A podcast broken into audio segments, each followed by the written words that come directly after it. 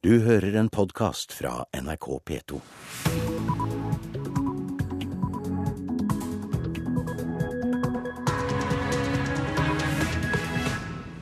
Klokka er 6.30. Velkommen til Nyhendemorgon med Bjørn Bø i studio. Vi har disse overskriftene. PST slo full terroralarm i november i fjor. Var redd for åtak mot norske flyplasser.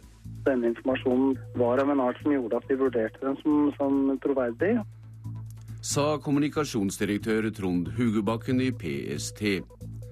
Vi kjøper mer private helsetjenester. Men helseministeren er ikke uroa. Venstre vil lovfeste varig vern av Lofoten og Vesterålen-felta. Dårlig idé, mener Fremskrittspartiet og Høyre.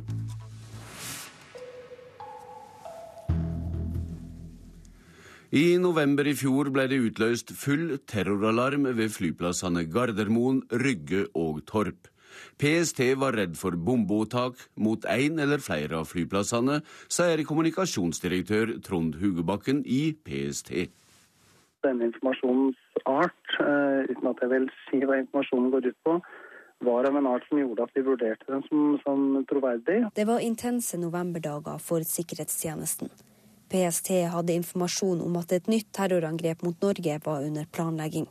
Beredskapstroppen, Forsvarets spesialstyrke og de lokale politidistriktene var alle på tå hev. I prosessen her så involverte vi også de aktuelle politidistriktene, eh, sånn at eh, beredskapen rundt dette var, var god. Ifølge kilde Aftenposten har snakka med, skulle terroren skje den 17. november.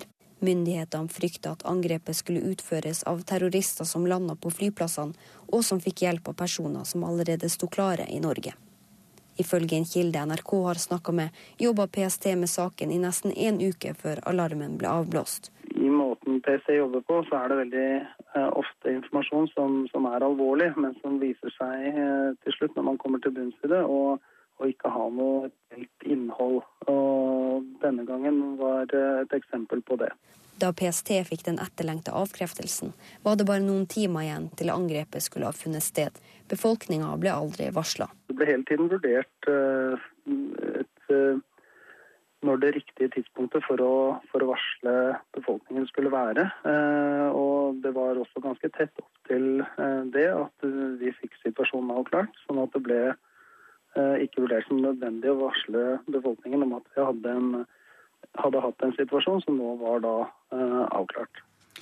Det var Trond Hugubakken i PST til reporter Kristine Svendsen. Flere av oss kjøper helsetjenester privat. Aleris Helse, som er en av de største private aktørene, har opplevd sterk vokster i privatmarkedet de siste åra. Det vi erfarer, er at uh, pasientene står i kø og ønsker å betale seg ut av den. Enten de nå betaler egen lomme, og noen bruker også da helseforsikring. Sier direktør Grete Aasved i Aleris helse. Fra 2007 til 2011 økte omsetningen fra privatpersoner med over 70% Hos oss er nå over halvparten av omsetningen fra pasienter som betaler behandling av egen lomme. Vekst i helseforsikring kommer i tillegg. Arvid Tangerud er forsikret gjennom banken. Det tok, Fra jeg ringte banken til jeg var her, så tok det fire dager. Og da hadde jeg vært innom fastlegen i mellomtiden. Hos Aleris blir han utredet for prostatakreft, og er glad for å slippe ventetid. Veien til målet er mange og lange, men eh, jeg tror dette her er absolutt den som er raskest. Og tid betyr jo ganske mye i en sånn setting. Andre store aktører har også vekst i det private markedet, først og fremst gjennom forsikringer. Teres Medical Norge har halvparten av det private markedet innen ortopedi. Andelen betalt av forsikring økte i fjor til 17% også Unilab, som er en av de to største i Norge på radiologiske undersøkelser, melder om en jevn økning. Kjøpekraften har økt, svarer helseminister Jonas Gahr Støre. Jeg tror det er naturlig at folk bruker mer penger på ting som er knyttet til helse og velvære og velferd. Det kan ikke vi eh, være moralsk indignert over. Det tror jeg følger med det at folk har mer penger samlet sett. Privat innkjøp av helsetjenester utgjør dessuten bare en liten brøkdel av det offentlige helsebudsjettet.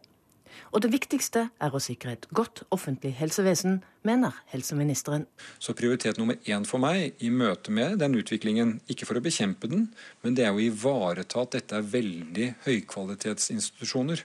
Sykehusene, fastlegene, helsestasjonene, skolehelsetjenesten skal være gode. Og vi skal gjøre det som er bra, enda bedre. Og Det er den beste måten å møte økte forventninger hos et folk som har et veldig godt utgangspunkt. Helseminister Jonas Gahr Støre. Reportere her var Katrin Hellesnes og Line Tomter. Jan Grønt, du er professor i helseleding ved Høgskolen i Oslo og Akershus. Hva er det som skjer når flere skaffer seg privat helseforsikring og helsetjenester? Nei, Da får de jo et tilbud som de mener de ikke ville fått i det offentlige så raskt og effektivt som eh, de får det. Og du kan se dette på to måter. På den ene siden så får jo da folk tilgang på tjenester de mener det er riktig å bruke sine penger på. Mm. På den andre siden kan du si at hvis det blir for mye av dette, så fører det til at du ikke klarer å prioritere de aller svakeste pasientene i det offentlige helsevesenet. Mm. Eh, hvorfor tror du at flere velger å få gjort dette privat? Nei, eh, det er jo klart som helseministeren sier at når velstandsnivået øker og vi har penger, så er det klart at dette er noe av det som er aller viktigst for oss. Det er jo et ordspråk som sier når helse er god, så er allting godt. Og det er jo helt naturlig at vi bruker våre private midler på det som er aller viktigst for mm. oss i, i våre liv. Så jeg syns ikke dette er noen, noen, rar utvikling at folk bruker penger på dette. Men er det det offentlige helsevesenet som på en måte svikter forventningene til folk, og at det offentlige har seg selv å takke for dette? Ja, og det er her man kanskje skulle vite litt mer om hvilke deler av uh, helsevesenet man egentlig ordentlig bruker private penger på. Og jeg tror det er litt av hvert. Det er nok noen områder hvor det er litt mistillit. F.eks. nå i Oslo-området hvor det er for lange køer på ganske enkle operasjoner og sånn at folk da kjøper seg private helsetjenester på dette området der. Er nok ikke så, så rart sånn som situasjonen er nå. Hvis man skal ha en enkel operasjon av disse ting i kroppen sin, så er det så ut mange andre krevende oppgaver i det offentlige systemet, så man får det ikke der. Og da er det ikke så rart at de går til Aleris og får dette raskt og effektivt gjort. Jeg syns heller ikke det er så dramatisk. Mm. Men, eh, men nærmere kan kanskje, oss kanskje debatten om prioritering her. Og er det noen tjenester som er greiere å la private ta seg av enn det offentlige?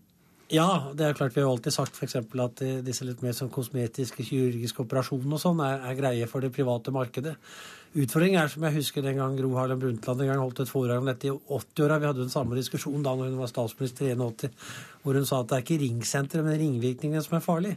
Og det er ikke egentlig det at etterspørsel og tilbud møter hverandre i forskjellige steder i Oslo-området som er det farlige. Problemet er at hvis det virkelig sprer seg veldig stort, dette her, ja, eh, da er du inne i en annen side, og kanskje en dypere side ved dette. Er private helsetjenester med på å avlaste det offentlige ved at det reduserer køene der? Eller er de bare med på å flytte de ressurssterke framover i køen, slik det også blir hevda i den politiske debatten? Ja, og her er det som det ofte er i politikken, litt begge deler. Det avlaster det offentlige å redusere køene Eh, på kort sikt. Samtidig så kan det nok også være med at det, det vrir liksom ressursbruken på, på, lengre sikt. Og faren er jo da for så vidt at man ikke får prioritert de aller svakeste pasientene. Forskjellen på det offentlige og det private helsevesenet er jo at i det offentlige så er det mer klare prioriteringskriterier, litt mer mm. definert ut fra alvorlighetsgrader på sykdommer. Mens det for så vidt i det private er mer kjøpekraften hos den enkelte som bestemmer. Så jeg tror og, som helseminister at det viktigste er å gjøre det offentlige så gode at behovet for å ha de private ordningene blir minst mulig. Mm. Men uh, det er altså positive sider ved at folk bruker private i stedet for offentlige tjenester? Ja, det skjerper jo også litt lite offentlig. Jeg er jo veldig tilhenger av konkurranse. Jeg tror det er fint at man har noen andre elementer å styre på enn tradisjonelt offentlig forvaltningsorienterte sykehus. Så jeg tror at man trenger det også. Takk for ekspertisen, Jan Grundt. Her er litt å ta fatt i for politikken, hører med. Venstre vil lovfeste varig vern av havområdene utenfor Lofoten, Vesterålen og Senja. Høyre og Fremskrittspartiet mener framlegget er urealistisk, og at det ikke er aktuelt med noen lov som forbyr oljeutvinning i de omstridte områdene. Partileder Trine Skei Grande i Venstre sier hun kommer med framlegg om varig vern når Stortinget møtes i formiddag. Vi er enige med statsministeren i én ting, nemlig at vi har nok informasjon nå til å fatte en avgjørelse. Og vi mener at man bør ha et varig vern. Det er ingenting som tilsier at dette er et viktig område å utvinne for Norge. Dette er et veldig viktig område å ta vare på, både når det gjelder fiskeriressurser og turisme og naturressurser. Kampen om innholdet i en eventuell borgerlig regjeringsplattform er i full gang. I formiddag kommer Venstre til å be regjeringen legge frem forslag om varig vern av havområdene utenfor Lofoten, Vesterålen og Senja. Men forslaget møter liten forståelse hos Venstres mulige samarbeidspartnere hvis det skulle bli et nytt flertall etter valget. Vi er ikke tilhengere av det, og vi mener at kunnskapsinnhentingen som har vært eh, gjennomført, viser at det er forsvarlig med aktivitet dersom man stiller strenge miljøkrav. Det er viktig å ivareta miljøinteresser, det er viktig å ivareta lokale næringsinteresser. Men det kan en gjøre samtidig som en åpner for olje- og gassvirksomhet. Miljøpolitisk talsmann i Høyre, Nikolai Astrup, og Fremskrittspartiets parlamentariske nestleder, Ketil Solvik-Olsen, gjør det klart at partiene ikke vil være med på et krav om å stoppe oljeutvinningen i det naturskjønne området.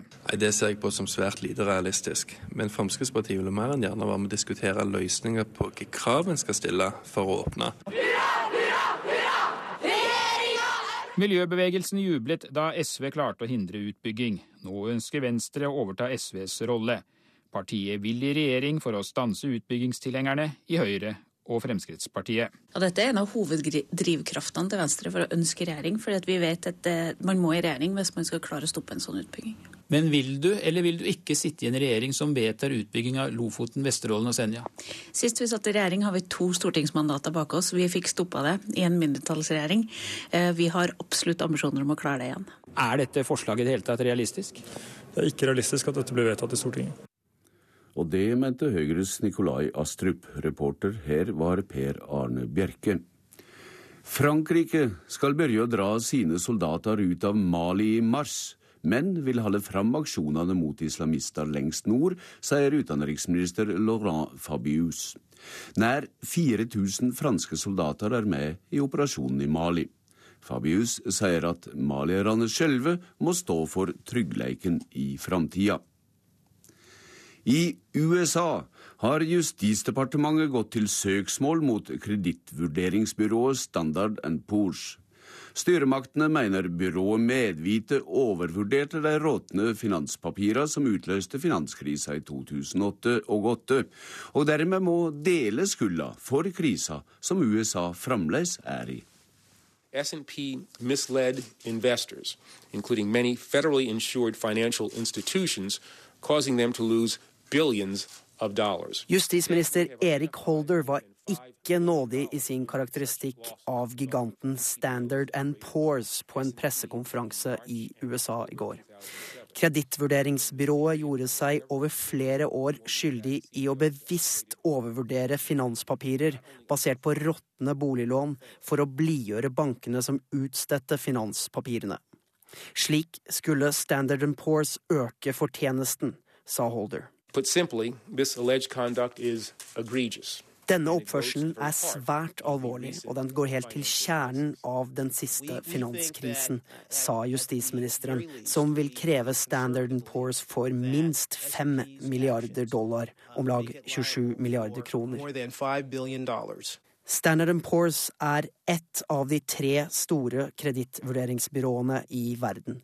Deres jobb er å vurdere risikoen ved å investere i gjeld som holdes av selskaper eller stater. Standard Poor's vurderte hele tiden finanspapirene basert på amerikanske boliglån til trippel A, det vil si at det ble ansett som svært sikre investeringer.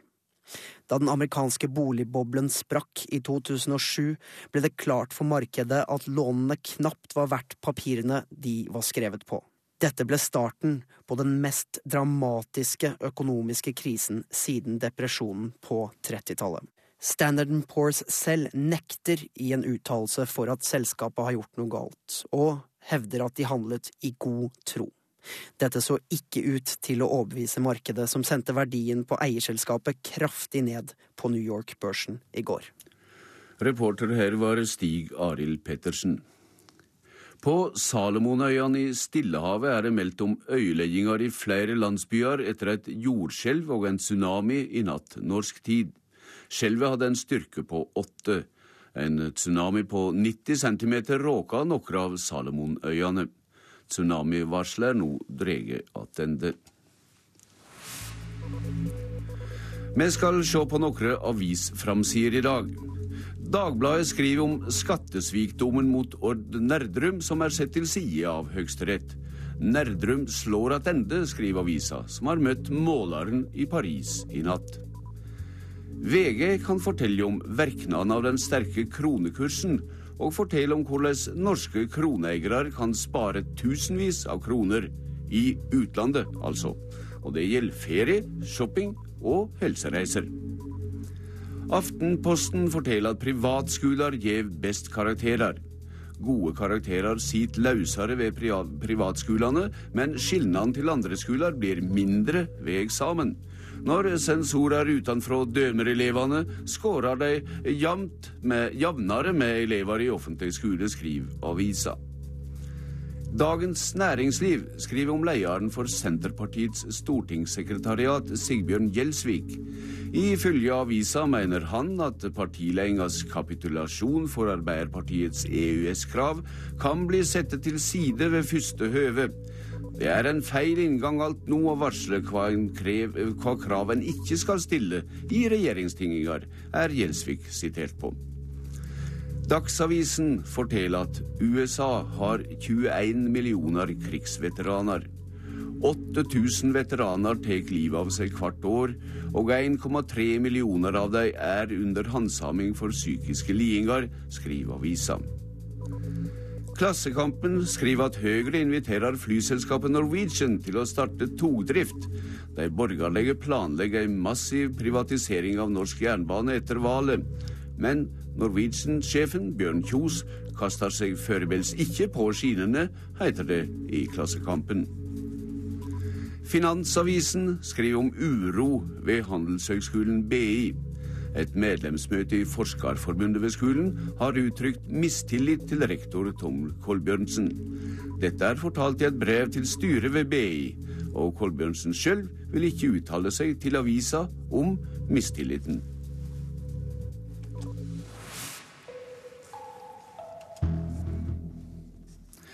Og da har vi rett og slett eh, en presserunde å se på her, som vi har lest opp. Og eh, da er det sport. Dersom jeg bare kunne finne ut hva vi skal snakke om der. Et individuelt VM-gull vil være en stor overrasking for Tarjei Bø. Skiskytteren fikk sesongstarten spolert av sykdom. Gull i Nove Mesto blir derfor eventuelt en kjempebonus for 24-åringen. Ja, det er jo klart. Det er jo veldig bonus. Da er det bare å gi ut bok på hvordan du skal komme i form på kortest mulig tid. Tarjei Bø terper på å senke blinkene på skiskytterstadion i Novemesto. Det er likevel kroppen som har vært problemet. Luftveisinfeksjon tvar hindrer han fra å trene og konkurrere før jul. En ny plan måtte legges fram til VM. Jeg er ganske fornøyd med, med at brikken har falt på plass sånn som det har gjort. Idrettssjef Per Arne Botnan tror Bø kan overraske. Han har vært tålmodig. Han har liksom bygd seg opp en sånn eh, litt sakte, men sikkert og uh, får en stigning på det frem til nå. Så er han nå med å eh, kjempe høyt oppe her. Det er så enkelt at du gleder deg til til motbakken kommer, da, i stedet for at du gruer deg. Så da forstår vel alle. og reporter her, det var Ole Rolfsrud. Du hører på Nyhendemorgen i NRK P2 og Alltid nytt. Klokka er 6.48, og dette er hovedsaker akkurat nå. PST var redd for råtak mot flere norske flyplasser og slo full terroralarm i november. Flere kjøper private helsetjenester, men helseminister Jonas Gahr Støre er ikke uroa. Venstre vil lovfeste varig vern av havområder utenfor Lofoten, Vesterålen og Senja. Urealistisk, mener Frp og Høyre.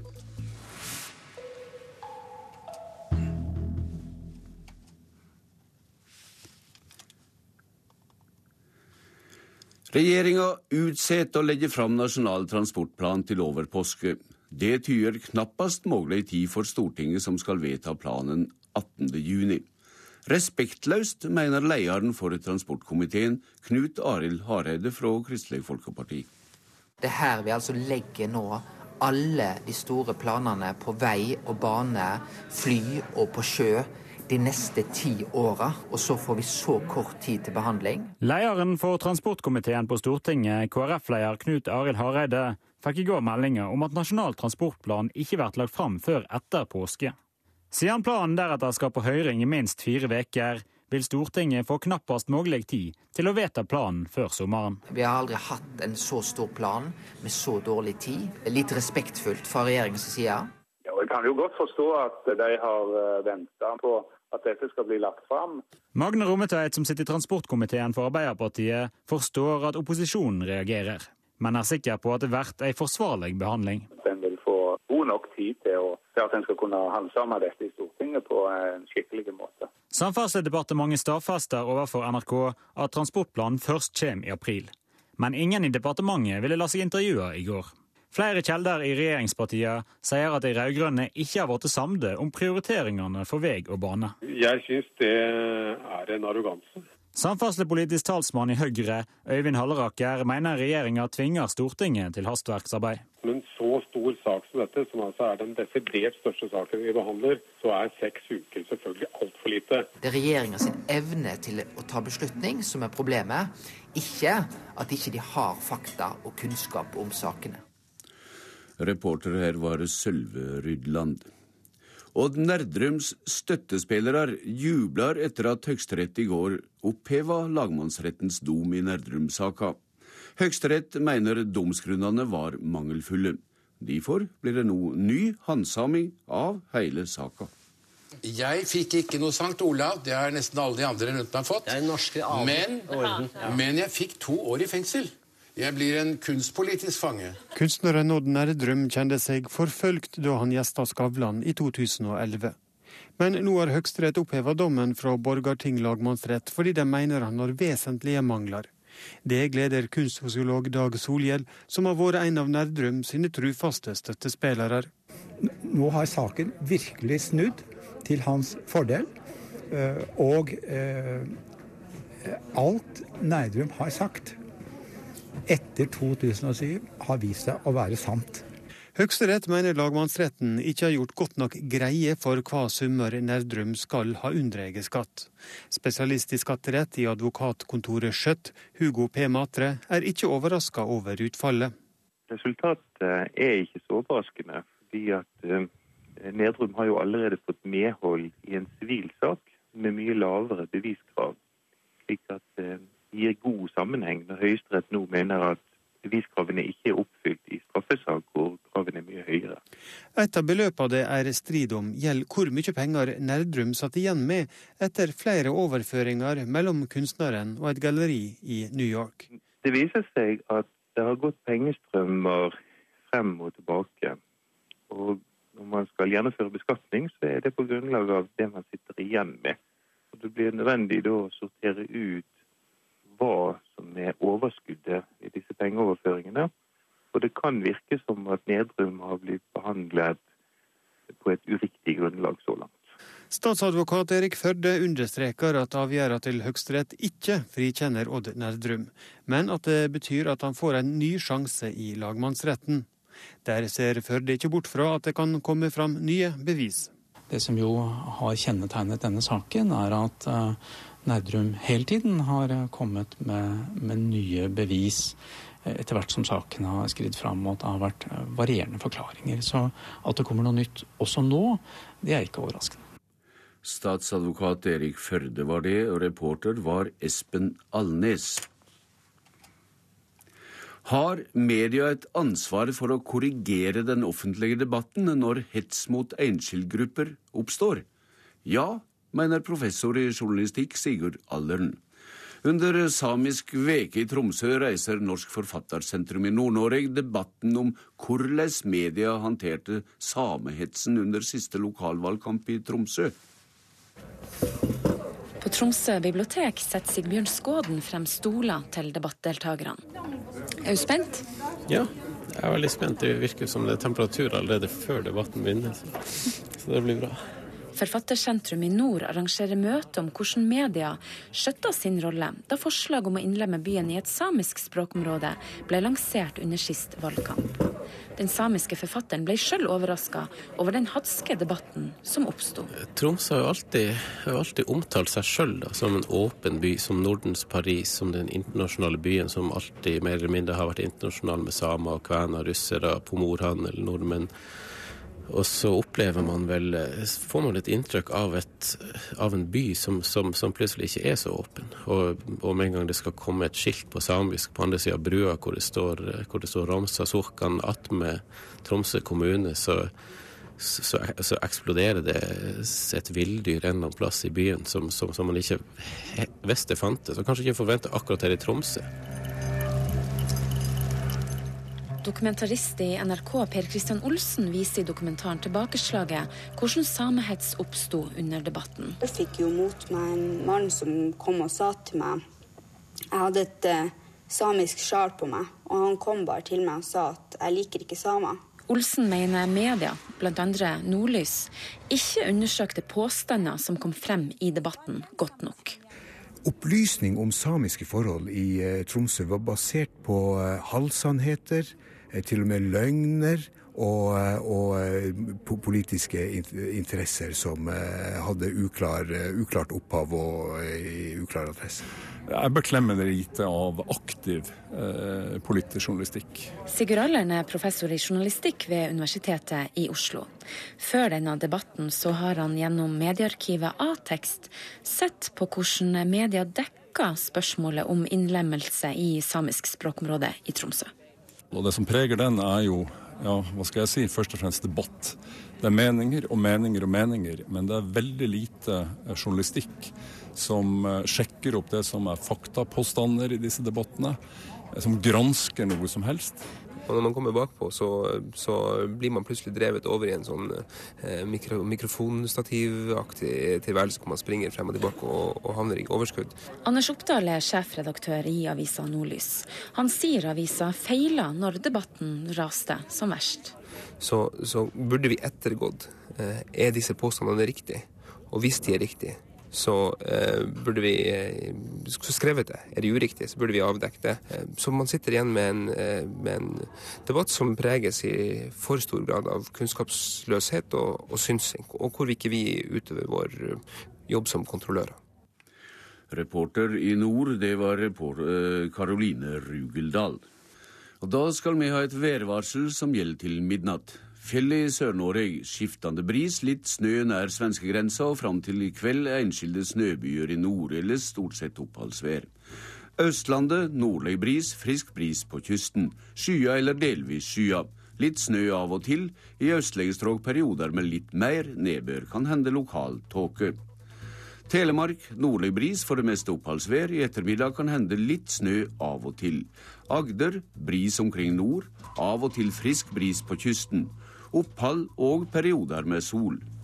Rogaland nordvestlig frisk bris utsatte steder. På kysten i nord liten og stuttvarig stiv kuling. I kveld frisk bris. Enskilde sludd- eller snøbyer på kysten i nord, eller stort sett fint vær. Hordaland Nordlig liten og periodevis stiv kuling på kysten. I kveld frisk bris. Enskilde snøbyer i ytre strøk, ellers til dels fint vær. Sogn og Fjordane Nordlig opp i stiv kuling på kysten, i kveld frisk bris, skiftende skydekke, enskilde snøbyer, til dels fint vær i indre Sogn. Møre og Romsdal nordlig bris, liten kuling på kysten av Søre Sunnmøre, sludd- og snøbyer flest i sør. I kveld nordøst frisk bris på kysten, stort sett oppholdsvær. Trøndelag østlig bris, frisk bris utsette steder. Perioder med snø nær grensetraktene, ellers enskilde snøbyer. Fra i ettermiddag til dels fint vær, først i nord. Nordland østlig bris, først på dagen liten kuling, utsatte steder til dels fint vær. Troms og Vest-Finnmark med vidda, minking til sørøst bris, stort sett opphold og til dels fint vær. Øst-Finnmark skiftende bris, stadvis lave skyer eller stort sett fint vær, etter hvert enskilde snøbyer i kyststråka. Nordensjøland på Spitsbergen. Øst og sørøst bris, opphold og til dels fint vær. Temperaturene klokka fire i dag. Svalbard lufthavn minus fem, Kirkenes minus 20, Vardø minus sju, Alta minus ni, Tromsø, Langnes minus seks, Bodø minus én, Brønnøysund én varmegrad, Trondheim-Værnes minus tre, Molde minus tre, Bergen-Flesland null, Stavanger minus 1, Kristiansand-Kjevik minus 4, Gardermoen minus 2, Lillehammer minus 3, Røros minus 6 og Oslo-Blindern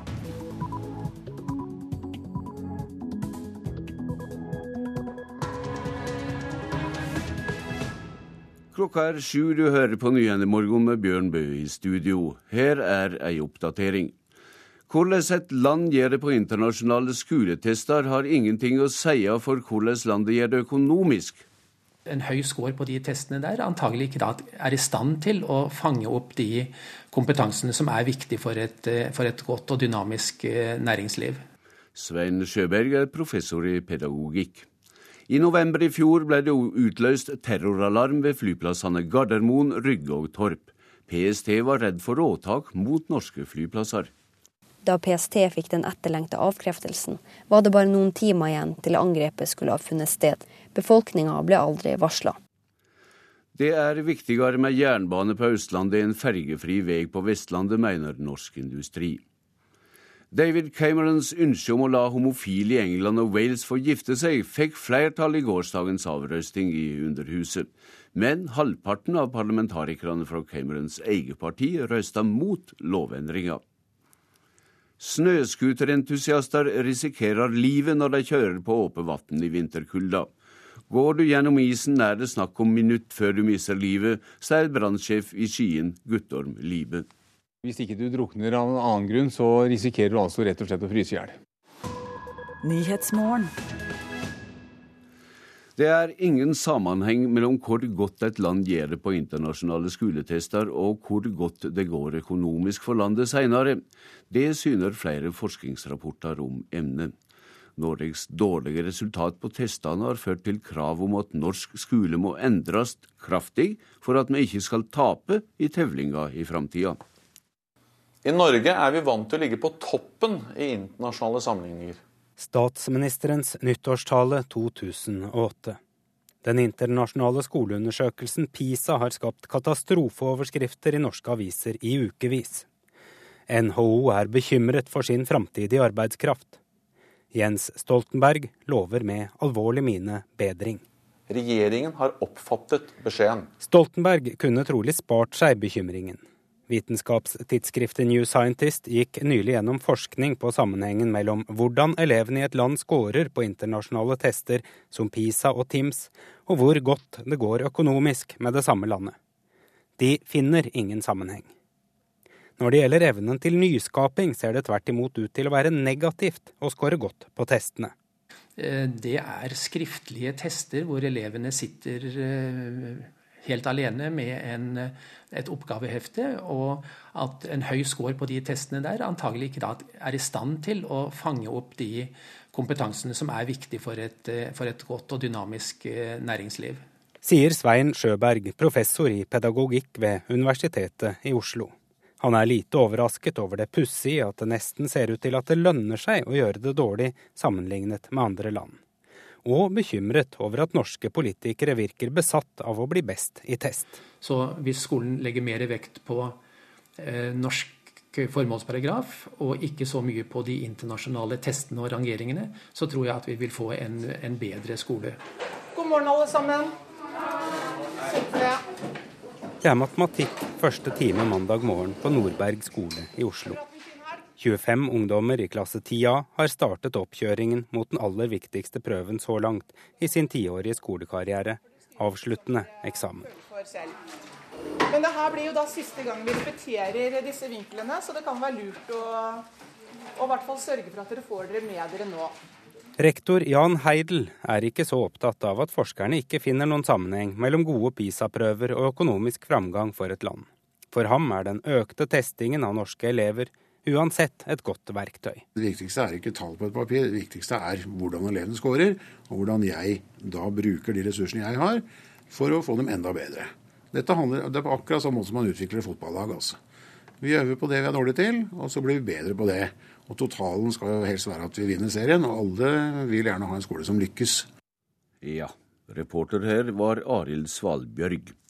Per Kokk, du er spesialrådgiver i Innovasjon Norge, og har også skrevet om disse nye forskningsfunnene under tittelen 'Kunnskap er ikke det samme som kompetanse'. Hva mener du med det? Jeg tror kanskje litt av problemet i debatten har vært at vi blander sammen to begreper, kunnskap og kompetanse. Mm. Kunnskap betyr da rett og slett det informasjon du har tilegnet deg gjennom utdanning og arbeidsliv. Det er data, fakta. Mens kompetanse er mer denne evnen til å løse et problem eller gjøre noe på en hensiktsmessig måte i arbeidslivet. Bruke kunnskapen, altså? Br ja, bruke kunnskapen, men mer enn det også. Mm. Det er riktig. Ja, enn, ja, hva er mer enn det?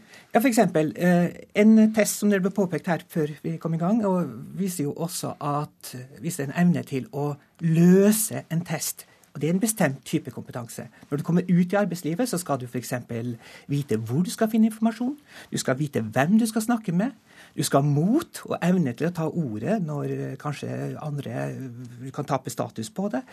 Du skal ha også en evne til å finne frem i allerede eksisterende kunnskap, men også gjøre noe helt nytt.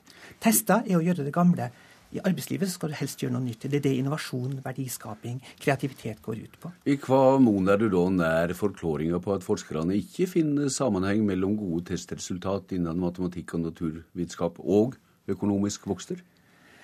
Det er to nivåer, tror jeg. Det ene er dette som vi allerede har sagt. altså Det som går på at det å jobbe på en arbeidsplass, løse praktiske problemer i hverdagen, er noe annet enn å løse en Teams-oppgave. Det andre er også at du har noen kulturell sammenheng du lever i.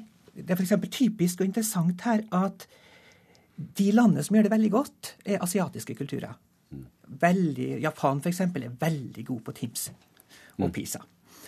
Og det er kulturer altså, som også legger veldig stor vekt på pugging og forståelse av å uh, kunne faktakunnskaper. De gir status i familien, de gir status også på arbeidsplassen. Mm. Problemet med en del av de kulturene, og det ser vi at Japan f.eks. kjemper veldig hardt økonomisk, er at det er en kultur hvor du også skal ha en form for ærbødighet og ydmykhet overfor ledelsen. Du sier f.eks. ikke imot sjefen på et møte. I Norge derimot så har du en egalitær kultur. Det er en kultur hvor folk blir oppmuntra til å si hva de mener. De vil til og med kunne krangle med sjefen på et åpent møte uten at de dermed risikerer å miste arbeidsplassen sin. Det er altså et kulturelt element her som er helt avgjørende. Mm. I tillegg så tror jeg at vi må se på slike ting som eh, hva skal vi si, velferdspolitikk, likestillingspolitikk, det faktum at det er et godt sosialt sikkerhetsnett som gjør at folk mm. tør ta sjanser. Mye av dette som blir kalt den nordiske modellen, er med på å forklare forskjellene, tror jeg. Så du advarer med andre ord imot ensidig vekt på puggeskolen? Ja, helt mm. klart. Det er ikke der vi har vært best, for å si det sånn. Takk til deg, Per Kokk. I november i fjor ble det, som har hørt tidligere i dag, utløst full terroralarm ved flyplassene Gardermoen, Rygge og Torp. PST var redd for bombeåtak mot en eller flere av flyplassene, sier kommunikasjonsdirektør Trond Hugebakken prosessen her så involverte vi også de aktuelle politidistriktene, eh, sånn at eh, beredskapen rundt dette var, eh, var god. Ifølge kilde Aftenposten har snakka med, skulle terroren skje den 17. november. Myndighetene frykta at angrepet skulle utføres av terrorister som landa på flyplassene, og som fikk hjelp av personer som allerede sto klare i Norge.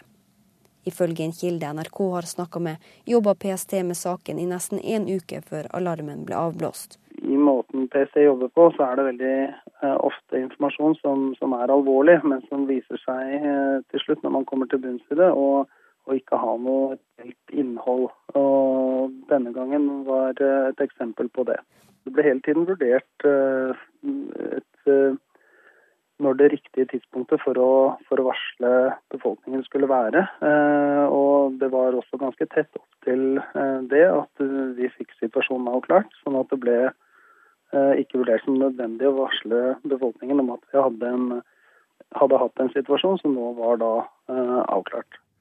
Trond Hugebakken er informasjonsdirektør i PST. Reporter var Kristine Svendsen. Det er viktigere med full jernbaneutbygging på Østlandet enn ferjefri E39 mellom Trondheim og Kristiansand. Det mener næringslivsorganisasjonen Norsk Industri om de to store samferdselsprosjektene i øst og vest. Det gjelder spesielt reisende til Moss, Mysen og Ski. Dere må gå inn i køen igjen. Det blir ikke kjørt en eneste buss før dere er tilbake i køen. Nok et tog som står. Nok et lass med pendlere som må ta buss ut av Oslo. Østlandet er på randen av et trafikksammenbrudd. Derfor må jernbane gå foran fergefri vei, sier administrerende direktør i Norsk Industri, Stein Lier Hansen. Ja, Det er fordi at intercity-løsningen er tidskritisk. altså Det er deler av hele samferdselsutfordringene rundt Oslo og den delen av Østlandet som må løses. altså Ting kan bryte helt sammen. En har noe mer tid på seg når det gjelder Vestlandet, og det er også et prosjekt som ikke er så gryteferdig. altså Der krever det tross alt mye mer planlegging før det prosjektet på en måte har samme modenhet som intercity-løsningen. Tror du en kollega på Vestlandet vil si at det haster mest med intercity? Jeg tror nok et kollega på Vestlandet vil si det, hvis en prøver å reise litt effektivt eh, med kollektive transportmidler på Østlandet.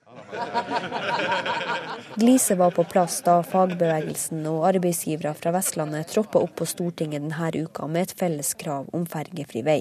Vel plassert på Gullkysten lar ikke Øystein Hansen i LO i Rogaland seg stresse av rangeringa til norsk industri. Disse to tingene er like viktige. Den ene er viktig for å få til en god kommunikasjon på Østlandet. Den andre er veldig viktig for å bedre og øke verdiskapningen, sånn at en får opp eh, inntjeningen og trygge de arbeidsplassene som er på Vestlandet. Eh, som tross alt står for den største delen av eksporten i Fastlands-Norge. Har vi råd til begge prosjektene nå? Ja, jeg mener jo at vi må ha råd til de. Men det er jo ikke sånn at når disse, disse to prosjektene koster jo ca. 230 milliarder kroner til sammen. Og det er jo ikke sånn at disse 230 milliardene skal tas ut av eh, Statens pensjonsfond utland i morgen. Heller ikke regiondirektør i NHO Hordaland, Tom Knutsen, vil peke ut det viktigste prosjektet, og sier heller ja takk, begge deler. Fra vår side så er vi helt enig med Stein Lier Hansen om at uh, intercitytriangelet er utrolig viktig. Og For oss så er det ikke uh, fergefri E39 opp mot intercity, men det er uh, både og. Reportere her var Hans Jørgen Solli og Kristine Svendsen. Klokka er straks tolv minutter over sju. Du hører på Nyhendemorgen i NRK P2, og dette er hovedsaker nå. Det er ingen sammenheng mellom hvor godt et land gjør det på internasjonale skoletester, og hvor godt det går økonomisk for landet seinere. PST var redd for terroråtak mot norske flyplasser i november i fjor, og utløste terroralarm ved Gardermoen, Rygge og Torp. Følg oss videre. Presidenten i Iran, Mahmoud Ahmadinejad, er på ei historisk vitjing i Egypt. I går kveld prøva en mann å slå presidenten med en sko.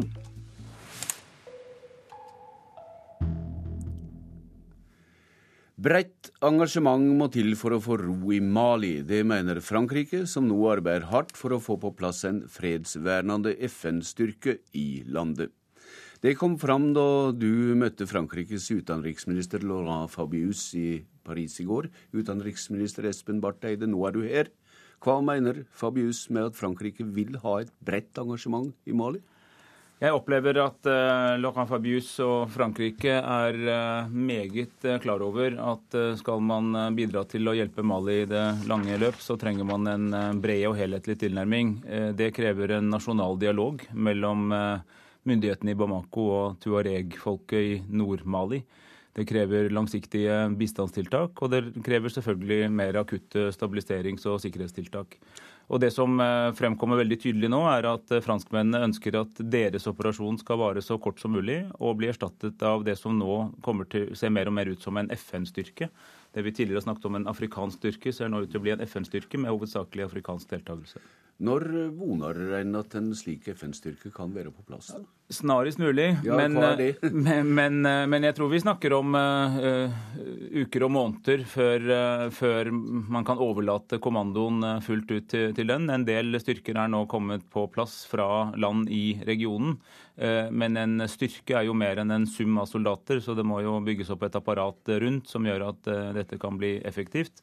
Eh, og Det jobbes det da med. Eh, det, det, nye i dette er at det som man tidligere snakket om som en ren afrikansk styrke, nå ser mer og mer ut som en FN-styrke, altså med mandat fra FNs sikkerhetsråd, og, eh, og, med en sammensetning som går utover Afrika. Og Da håper jeg at de fleste av soldatene på bakken kan være afrikanere, men at andre land kan bidra med ulike former for støttekapasiteter. Og I den sammenhengen, Espen Barth Eide, hvor står spørsmålet nå om norsk medvirkning i Mali?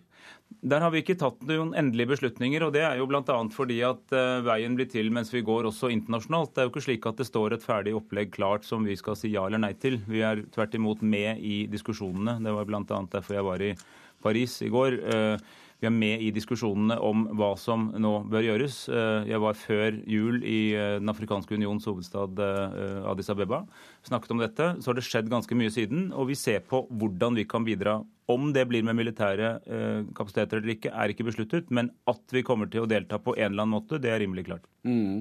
Men uh, du snakka samtidig som en hovedsakelig afrikansk FN-styrke, ikke sant? Ja, og jeg tror at det er veldig viktig nå å erkjenne at etter erfaringene med både Irak og Afghanistan, så er det en ganske utbredt oppfatning at uh, store vestlige intervensjoner over tid uh, ikke nødvendigvis er veien å gå uh, ved neste korsvei. Dette må rotfestes i Mali selv og i landene i regionen.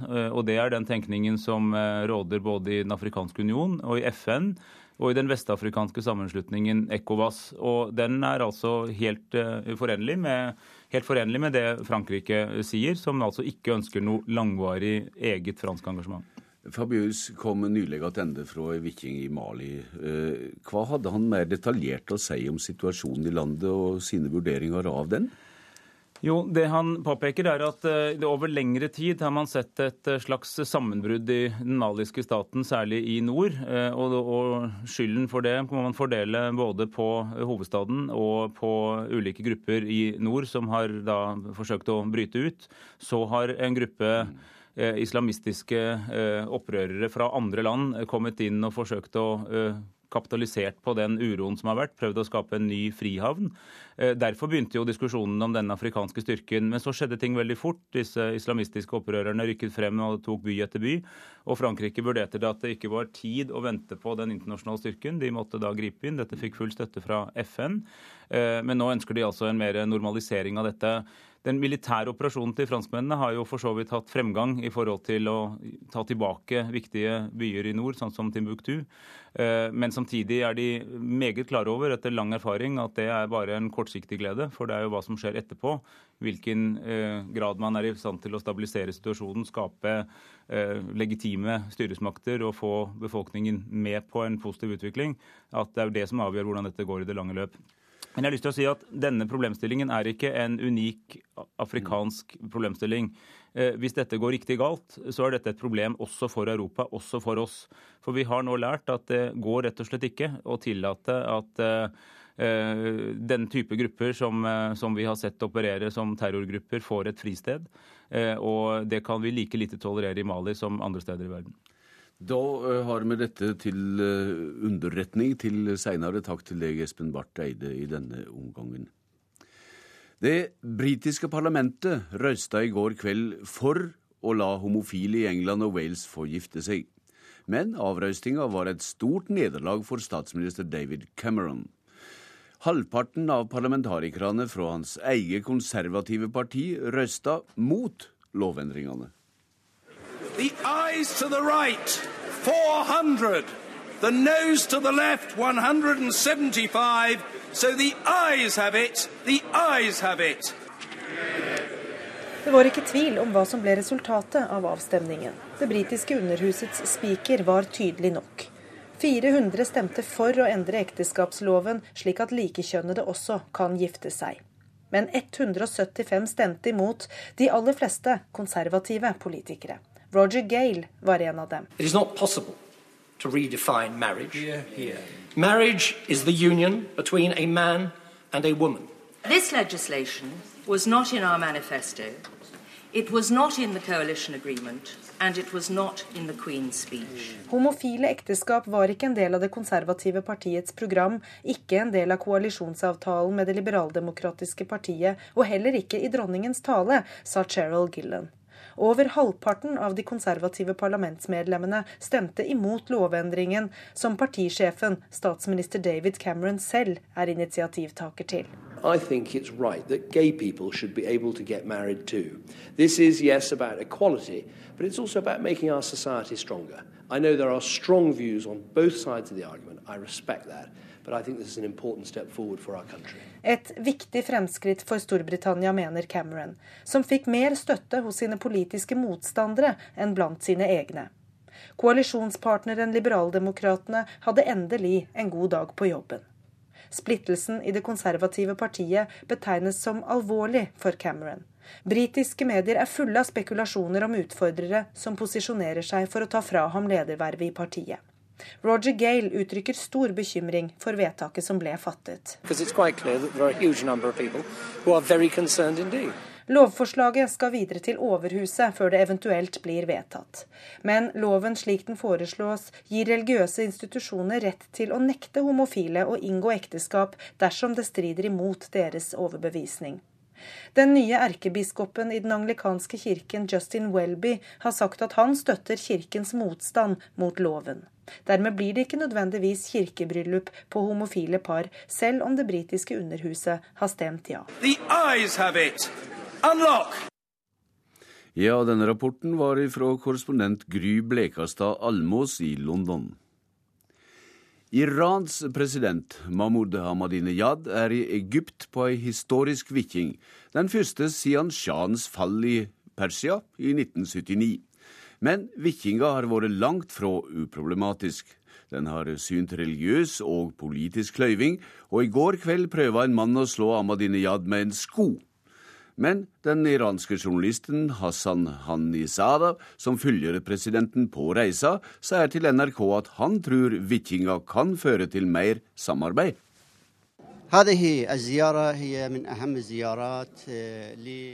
Dette besøket er et av de viktigste for Ahmedinejad. Han blir den første presidenten som besøker Egypt etter revolusjonen 25.1. Iran ønsker et forhold til Egypt fordi alt er forandret i landet, sier iranske Asan Hanisada, journalist i nyhetsbyrået Mer. Jeg treffer han mens vi venter på at den iranske presidenten skal ankomme Al-Assar, det mest kjente sunnimuslimske lærestedet. Besøket kommer på et kritisk tidspunkt. Egypt er i endring, og i Syria raser en borgerkrig der de to landene støtter hver sin side. I tillegg er det en slags kald krig i den persiske gulfen, med Iran på den ene siden og de sunnimuslimske landene, noen av dem med store sjiamuslimske minoriteter på den andre. Hanisada tror ikke Saudi-Arabia og USA er særlig fornøyde med besøket. طبعا السعوديه وامريكا لديها تاثير على العلاقات بين مصر وايران، السعوديه لا تريد ان يكون هنالك علاقات. Saudi-Arabia og USA påvirker forholdet mellom Iran og Egypt. Begge landene har politiske og regionale grunner til å ville at vi ikke skal ha noen gode forbindelser. Men nå er forholdene annerledes i Egypt. Så kanskje disse besøkene kan gjøre at forholdet mellom Iran og Egypt blir bedre i framtiden. Disse to landene har mye makt til å støtte palestinerne sammen, sier Hanisada. Da Ahmadinejad og en av lederne på Al-Azhar, sjeik Hassan al-Shafi, snakket til pressen i etterkant av møtet, var de enige om sitt fiendskap til sionistene. Men bildet var på ingen måte rosenrødt av den grunn. For al-Shafi satte i gang med en lang tirade om at sunnimuslimer må få retten til å utøve sin religion i Iran, og tidligere hadde lederen for al-Assar bedt Iran ikke blande seg inn i Gulfen, i hvert fall ikke i Bahrain. Ahmedinejad var tydelig utilpass. Splittelsen mellom sunni-islam og shia-islam preger nå store deler av regionen, fra Gulfen gjennom Irak til Syria og Libanon. Syria var også tema da den iranske presidenten traff Mohammed Morsi tidligere på dagen i går. Ahmedinejad skal reise tilbake i dag eller i morgen, men først skal han gjøre det han egentlig kommer for, nemlig delta i toppmøtet i Organisasjonen for islamske land sammen med en rekke andre statsledere her i Kairo. Det rapporterte vår korrespondent i Midtøsten, Sigurd Falkenberg Mikkelsen. Da skal vi se på noen av framsidene i avisen i dag. Dagbladet skriver om skattesvikdommen mot Odd Nerdrum, som er sett til side av Høyesterett. Nerdrum slår attende, skriver avisa, som har møtt måleren i Paris i natt. VG kan fortelle om virkningene av den sterke kronekursen, og fortelle om hvordan norske kroneeiere kan spare tusenvis av kroner. I utlandet, altså. Og det gjelder ferie, shopping og helsereiser. Aftenposten skriver at privatskoler gir best karakterer. Gode karakterer sitter løsere ved privatskolene, men skilnaden til andre skoler blir mindre ved eksamen. Når sensorer utenfra dømer elevene, skårer de jevnere med elever i offentlig skole, skriver avisa. Dagens Næringsliv skriver om lederen i Senterpartiets stortingssekretariat, Sigbjørn Gjelsvik. Ifølge avisa mener han at partiledelens kapitulasjon for Arbeiderpartiets EØS-krav kan bli sett til side ved første høve. Det er en feil inngang alt nå å varsle hva krav en ikke skal stille i regjeringstinginger, er Gjelsvik sitert på.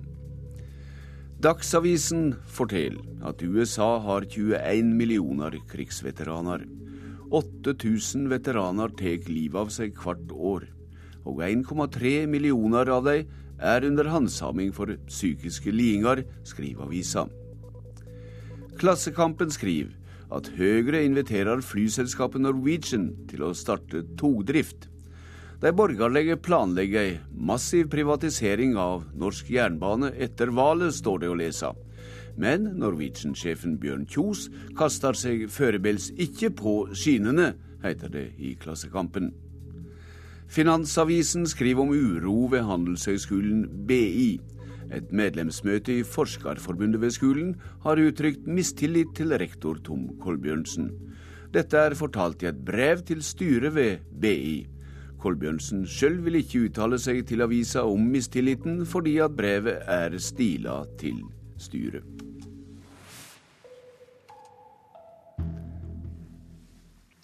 Det blir nå for tida drive risikofylt leik på sjøisen langs kysten. Snøscooterentusiaster risikerer livet når de kjører på åpe vann i vinterkulda. For få dager siden holdt det på å gå gale da en snøscooter sokk. Snøscooteren kjører fort over sjøisen. Akkurat nå er Hans Edvard Olsen på vei ut på åpent vann. I flere hundre meter holder Olsen snøscooteren flytende før han trekker inn på land igjen. Det er jo klart, det er jo litt adrenalin. Kommer jeg over, eller kommer jeg ikke over? Det er jo alltid sånn. Så det er vel kanskje litt av, av kicket. På denne turen på den islagte fjorden er Hans Edvard Olsen like tørr når han kommer hjem. Men det er ikke alltid det går like bra. Olsen har flere ganger falt i vannet på lignende turer. I hvert fall fem-seks ganger, som jeg kan huske. I helga holdt det på å gå skikkelig galt. En ung mann havnet i vannet etter at hans snøscooter sank på åpent vann. Han vil ikke snakke på radio, men sier vannet var fryktelig kaldt. Alt handlet om å komme seg på land, sier mannen til NRK. Enten det er saltvann eller, eller ferskvann, så er temperaturen ned mot null grader celsius. Det er kaldt, og du blir veldig fort nedkjøla. Og hvis ikke du drukner av en annen grunn, så risikerer du altså rett og slett å fryse i hjel. Det sier brannsjef i Skien, Guttorm Libe. Han advarer mot denne type aktivitet, og sier et menneske som faller i vannet på denne årstiden, bare har minutter på å berge livet. Hvor er, hvor er vi nå? På et kontor hos politiet sitter politiadvokat Svein Folkestad. Han får se video fra NRK og er ikke overraska, han har sett det før. Men reglene på området har ikke noen klare svar. Det er lov å kjøre snøscooter på sjøisen, men på åpent vann er politiadvokaten mer usikker. Vi vil eh, ta kontakt med Sjøfartsdirektoratet som faginstans for å, en, for å, få en vurdering på om eh, dette forbudet i eh, det såkalte vannscooterforbudet rammes også da snøscootere på vann. Ja, og her var reporter Stian Vårse Simonsen. Nordmenn er blitt flinkere til å spare etter finanskrisa i 2008, og hadde i fjor i snitt mer enn 200 000 kroner på bok. Det skriver Stavanger Aftenblad.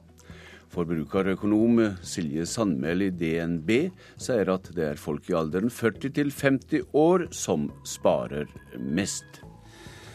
Da kan jeg opplyse at produsent for Nyhendemorgon i dag, det er Vidar Eidhammer. Det er Hanne Lunås som styrer det tekniske her. Jeg i studio heter Bjørn Bø, og vi er seinere tilbake i dag, men minner om at Politisk kvarter handler om miljøpolitikk når det kommer klokka kvart på åtte. PST slo terroralarm i november, fryktet angrep mot norske flyplasser.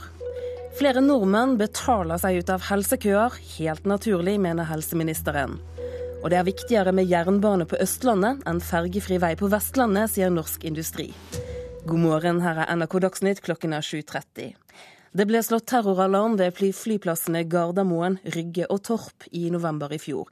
Politiets sikkerhetstjeneste fryktet et bombeangrep mot én eller flere av flyplassene, sier kommunikasjonsdirektør Trond Hugubakken.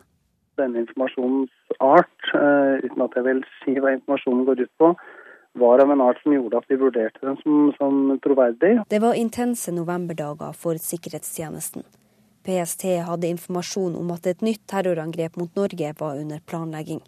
Beredskapstroppen, Forsvarets spesialstyrke og de lokale politidistriktene var alle på tå hev. I prosessen her så involverte vi også de aktuelle politidistriktene, eh, sånn at eh, beredskapen rundt dette var, var god. Ifølge kilde Aftenposten har snakka med, skulle terroren skje den 17. november. Myndighetene frykta at angrepet skulle utføres av terrorister som landa på flyplassene, og som fikk hjelp av personer som allerede sto klare i Norge. Ifølge en kilde NRK har snakka med, jobba PST med saken i nesten én uke før alarmen ble avblåst. I måten PST jobber på, så er det veldig eh, ofte informasjon som, som, er alvorlig, men som viser seg eh, til slutt, når man kommer til bunns i det, og, og ikke har noe helt innhold. Og denne gangen var et eksempel på det. Da PST fikk den etterlengta avkreftelsen, var det bare noen timer igjen til angrepet skulle ha funnet sted. Befolkninga ble aldri varsla. Det ble hele tiden vurdert uh, et, uh, når det riktige tidspunktet for å, for å, varsle befolkningen skulle være. Uh, og det var også ganske tett opp til det at vi fikk situasjonen avklart. Sånn at det ble ikke vurdert som nødvendig å varsle befolkningen om at vi hadde en hadde hatt en situasjon som nå var da eh, avklart. Reporter var Kristine Svendsen. Flere av oss kjøper private helsetjenester betalt fra egen lomme eller gjennom helseforsikring. Aleris Helse, som er en av de største private aktørene, har opplevd en kraftig vekst i privatmarkedet de siste årene. Det vi erfarer er at eh, pasientene står i kø og ønsker å betale seg ut av den. Enten de nå betaler egen lomme, og noen bruker også da helseforsikring. Sier direktør Grete Aasved i Aleris helse. Fra 2007 til 2011 økte omsetningen fra privatpersoner med over 70% Hos oss er nå over halvparten av omsetningen fra pasienter som betaler behandling av egen lomme. Vekst i helseforsikring kommer i tillegg. Arvid Tangerud er forsikret gjennom banken. Det tok Fra jeg ringte banken til jeg var her, så tok det fire dager. Og da hadde jeg vært innom fastlegen i mellomtiden. Hos Aleris blir han utredet for prostatakreft, og er glad for å slippe ventetid. Veien til målet er mange og lange, men eh, jeg tror dette her er absolutt den som er raskest. Og tid betyr jo ganske mye i en sånn setting. Andre store aktører har også vekst i det private markedet, først og fremst gjennom forsikringer. Kjøpekraften har økt, svarer helseminister Jonas Gahr Støre. Jeg tror det er naturlig at folk bruker mer penger på ting som er knyttet til helse og velvære og velferd. Private innkjøp av helsetjenester er dessuten bare en liten brøkdel av det offentlige. Det viktigste er å sikre et godt offentlig helsevesen, mener helseministeren. Og Det er den beste måten å møte økte forventninger hos et folk som har et veldig godt utgangspunkt. Reportere Katrin Hellesnes og Line Tomter. Full jernbaneutbygging på Østlandet er viktigere enn fergefri E39 mellom Trondheim og Kristiansand. Det mener Norsk Industri. Foreningen mener Norge trenger begge de to store samferdselsprosjektene, men jernbane er viktigst for Østlandet er på randen av trafikksammenbrudd. Det sier administrerende direktør Stein Lia Hansen i Norsk Industri. Ja, Det er fordi at intercity-løsningen er tidskritisk. Altså Det er deler av hele samferdselsutfordringene rundt Oslo og den delen av Østlandet som må løses. altså Ting kan bryte helt sammen. Nok et tog som står. Nok et lass med pendlere som må ta buss ut av Oslo. Intercitytriangelet kan gi en ny transporthverdag, og må i første omgang gå foran et fergefritt Vestland, sier Lier Hansen. Vi snakker om altså titusener av mennesker eh, som må få en mye bedre hverdag gjennom at eh, intercityløsningen raskt kommer på plass. En har noe mer tid på seg når det gjelder Vestlandet, og det er også et prosjekt som ikke er så gryteferdig. altså Der krever det tross alt mye mer planlegging før det prosjektet på en måte har samme modenhet som intercity-løsningen. Gliset var på plass da fagbevegelsen og arbeidsgivere fra Vestlandet troppa opp på Stortinget denne uka med et felles krav om fergefri vei. Vel plassert på Gullkysten lar ikke Øystein Hansen i LO i Rogaland seg stresse av rangeringa til norsk industri. Disse to tingene er like viktige. Den ene er viktig for å få til en god kommunikasjon på Østlandet. Den andre er veldig viktig for å bedre og øke verdiskapningen, sånn at en får opp eh, inntjeningen og trygge de arbeidsplassene som er på Vestlandet. Eh, som tross alt står for den største delen av eksporten i Fastlands-Norge. Reporteren var Hans-Jørgen Solli og Kristine Svendsen. Franske myndigheter ønsker at FN skal ta over ansvaret i Mali, der afrikanske og franske styrker slåss mot opprørere nord i landet. Det sier utenriksminister Espen Barth Eide etter at han møtte den franske utenriksministeren i går. Franske tropper kommer til å trekke seg ut av Mali, og ønsker i stedet en bred internasjonal styrke i landet. Det nye i dette er at det som man tidligere snakket om som en ren afrikansk styrke, nå ser mer og mer ut som en FN-styrke, altså med mandat fra FNs sikkerhetsråd, og, eh, og, med en sammensetning som går utover Afrika. Og da håper jeg at de fleste av soldatene på bakken kan være afrikanere, men at andre land kan bidra med ulike former for støttekapasiteter. Og I den sammenhengen, Espen Barth Eide, hvor står spørsmålet nå om norsk medvirkning i Mali? Der har vi ikke tatt noen endelige beslutninger, og det er jo bl.a. fordi at uh, veien blir til mens vi går også internasjonalt. Det er jo ikke slik at det står et ferdig opplegg klart som vi skal si ja eller nei til. Vi er tvert imot med i diskusjonene. Det var bl.a. derfor jeg var i Paris i går. Ja, det sa Espen Barth Eide til Bjørn Bø. Det er eh, ingen sammenheng mellom hvor godt et land gjør det på internasjonale skoletester, og hvor godt det går økonomisk for landet senere. Det viser flere forskningsrapporter. De dårlige norske resultatene har fått flere til å kreve store endringer i norsk skole, for at vi ikke skal tape i konkurransen om de kloke hodene i fremtiden. God morgen, alle sammen. Det er matematikk første time mandag morgen for lærer Berit Rønningen Andresen og klasse 10A på Nordberg skole i Oslo. Men det her blir jo da siste gang vi repeterer disse vinklene. Årskullet til disse ungdommene fikk katastrofeoppslag i norsk presse da de i 2007 skåret elendig i internasjonale skoletester. NHO fryktet for sin framtidige arbeidskraft. Statsministeren gjorde skole til hovedpoeng i nyttårstalen. Dette er et alvorlig varsel. Stoltenberg kunne trolig spart seg bekymringen. Vitenskapstidsskriftet New Scientist gikk nylig gjennom forskning på økonomisk vekst og score på internasjonale skoletester. De fant ingen sammenheng. En høy score på de testene der antagelig ikke er i stand til å fange opp de kompetansene som er viktige for et, eh, for et godt og dynamisk eh, næringsliv. Sier Svein Sjøberg, professor i pedagogikk ved Universitetet i Oslo. Han er bekymret over at norske politikere virker besatt av å bli best i test. Så hvis skolen legger mer vekt på eh, norsk formålsparagraf, og ikke så mye på de internasjonale testene og rangeringene, så tror jeg at vi vil få en, en bedre skole. Tilbake på Nordberg skole mener rektor Jan Heidel at den økte testingen av norske elever uansett er et godt verktøy. Det viktigste er ikke tall på et papir, det viktigste er hvordan elevene skårer. Reporter Arild Svalbjørg. Aksel Lund Svindal har vært suveren i Super-G denne sesongen. I dag skal han forsøke å innfri forventningene i mennes første VM-øvelse i sladming. Klart VM er VM, det er større enn World Cup. Og der er det faktum at fjerdeplass er ubrukelig. Da. Så når du står på start, så er det um, noe litt annet enn World Cup. I dag starter VM-alvoret for de norske alpingutta, og spørsmålet alle stiller storfavoritten Aksel Lund Svindal. Hvem er det som skal slå deg i super-G? Kanskje ikke så rart, for nordmannen står med tre førsteplasser og én andreplass i disiplinen denne sesongen. Og så ser du bare på matematikken i det, så er det kanskje vanskelig å se akkurat nå. Ingen andre som har vært stabile, og jeg har vunnet de fleste rennene. Men det er én dag etter renn alt kan skje, da. Heldigvis avhenger ikke norsk suksess kun av én mann. Man kjenner jo litt på at det er, eh, det er VM og det er mye som står på spill. Det sier Kjetil Jansrud. VM eller ei, nordmennene behøver ikke finne opp kruttet på ny. Det vi har gjort hittil i sesongen, og spesielt for Aksel sin del, har vært bra nok. Så det er jo ikke noen grunn til å endre på rutiner eller skulle gjøre noe mer. Og reporter her, det var Oddbjørn Vistnes. Og dette supergerennet det kan du følge her i NRK på NRK1. Sendingen den starter klokken 10.30. Ansvarlig for denne sendingen var Erlend Rønneberg. Det tekniske ansvaret har Hanne Lunås hatt, og her i studio Turi Grønbekk.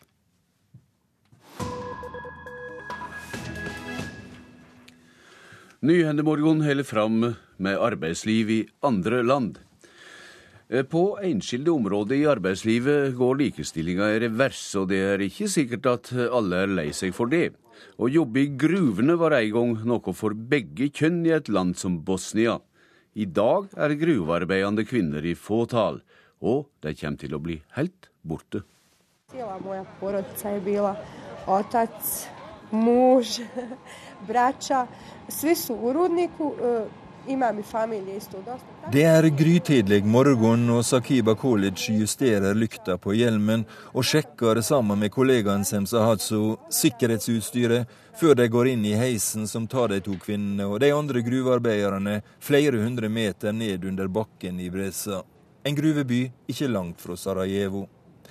Det høres kanskje skremmende ut for andre, dette vi driver med, sier Sakiba, men for henne er det det mest naturlige i verden, som det er for hele college-familien. Faren hennes arbeider i gruva, mannen hennes gjør det, brødrene hennes, svigersønnen, nære og fjerne slektninger, og ingen ble overraska da hun som ung jente valgte samme veien. Reaksjonene kommer når hun møter fremmede. Ali ima dešavanja, recimo kad ono upoznate nekog i sad kaže živ. Folk blir forundra over å høre at hun frivillig tilbringer dagen i mørke 400 meter nede i fjellet, forteller hun. Hvorfor vil du det, hvordan våger du det, spør de. Ikke rart, gruvedrift er risiko, og i kålgruva i Bressa har de ikke fått nytt utstyr på snart 30 år. Og det har vært ulykker, den største i 1970. Da omkom over 50 arbeidere. Senest i fjor vår mista en gruvearbeider livet da det brøt ut brann og gruvetaket kollapsa. Kål kan skjøltenne, og jobben til College Hasso er nettopp å sjekke luftstrømmen gjennom gruvegangene og måle temperaturen og metaninnholdet i lufta. Sjøl kjenner de seg trygge og er aldri redde, sier Semsahatsu. U rudniku se osjećam kao kod kuće. Nikad nikakvih nisam imala strahova, mislim on neki predrasute o nekim. Hatsu arbeider også i gruva de første fire månedene av svangerskapen da hun var gravid og var på jobb igjen straks fødselspermisjonen var over.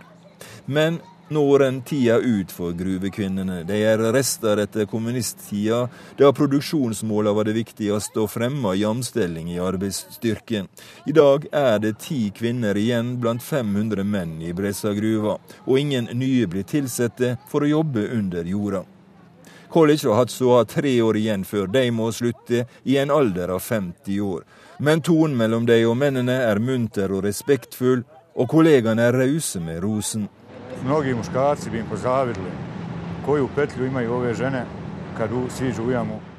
Mange menn kan misunne disse kvinnene motet deres, sier Suez Alamovic.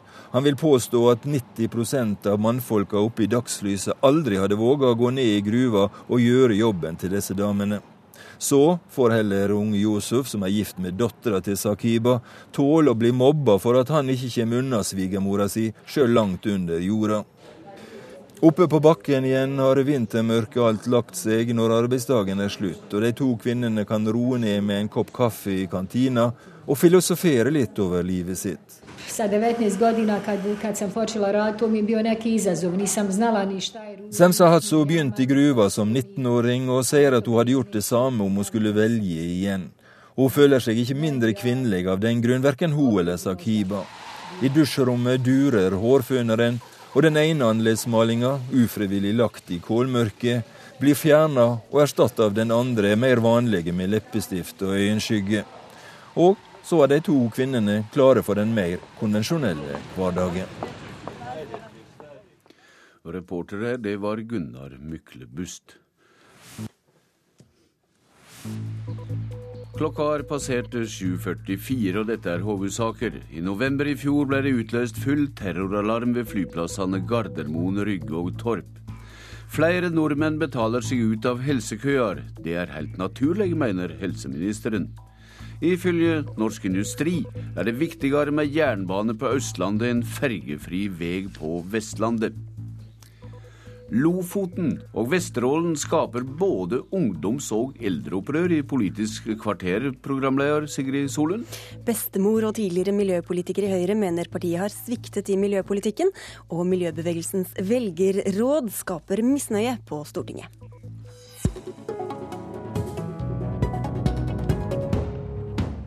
Miljøbevisste velgere bør la være å stemme Høyre og Fremskrittspartiet og Arbeiderpartiet hvis de går inn for å åpne Lofoten og Vesterålen for oljeboring.